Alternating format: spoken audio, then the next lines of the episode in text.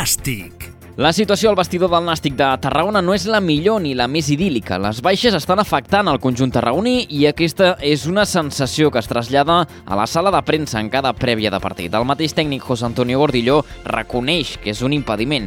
Tot i això, Abraham Minero contestava després de la derrota davant l'Alcorcón que l'equip no s'ha d'excusar amb baixes i altres factors, que aquest argument encara fa més mal dins el vestidor. Així ho explicava. No, no es el principal freno. Lógicamente es una circunstancia más que nos está como otras muchas que nos están pasando, pero bueno, eso, eso son excusas. Eh, somos eh, jugadores suficientes para, para, competir cada partido contra cualquier equipo.